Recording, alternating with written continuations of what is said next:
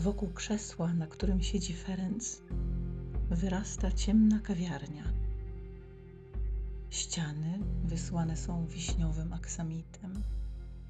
Wzdłuż sufitu i podłogi biegną girlandy podniszczonych złoceń.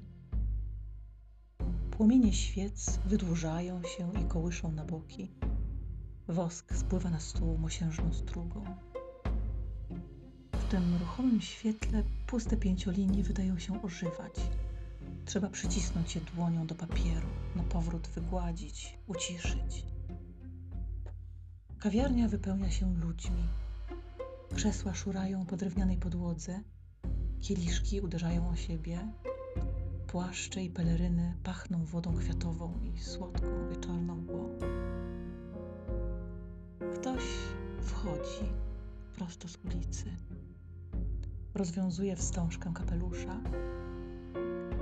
Czarna suknia opina dojrzałe ciało. Tkanina jest ciężka, z bliska wygląda jak kocia sierść.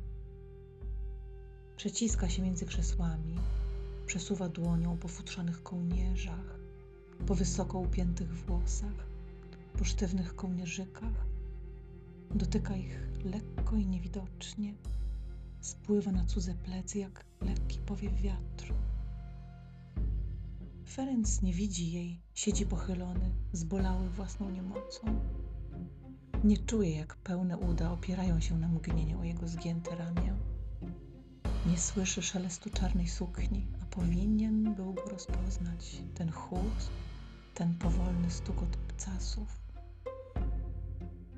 Wtedy jednak następuje chwila, która wygląda zawsze tak samo, odkąd pierwszy człowiek napotkał wzrok węża, odkąd poczuł lekki ścisk w gardle, zimny dreszcz na skórze.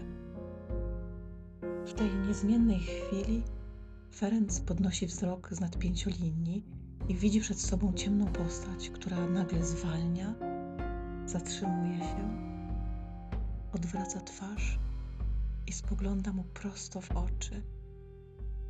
Robi to tak, jakby w kawiarni nie było nikogo innego, jakby przyszła tu tylko po to, żeby przystanąć, odwrócić się i spojrzeć na niego spod półprzymkniętych powiek. Na twarz opadają jej włosy. Pomiędzy nimi widać kącik ust, który unosi się w ledwie widocznym uśmiechu. Trwa to tyle, co jedno uderzenie zegara, jeden oddech, jedno pianie koguta. Rusza dalej przez kawiarnię, ulicę, pustynię. Idąc, powoli odwraca wzrok. Jej suknia ciągnie się po ziemi ciężkim trenem, zahacza o jego stopy, miesza się w tłum. Serce zawiązuje mu się w ciasny węzeł, kiedy nagle pośród cudzych ramion, cudzych kołnierzy wyłania się znów jej błyszcząca źrenica.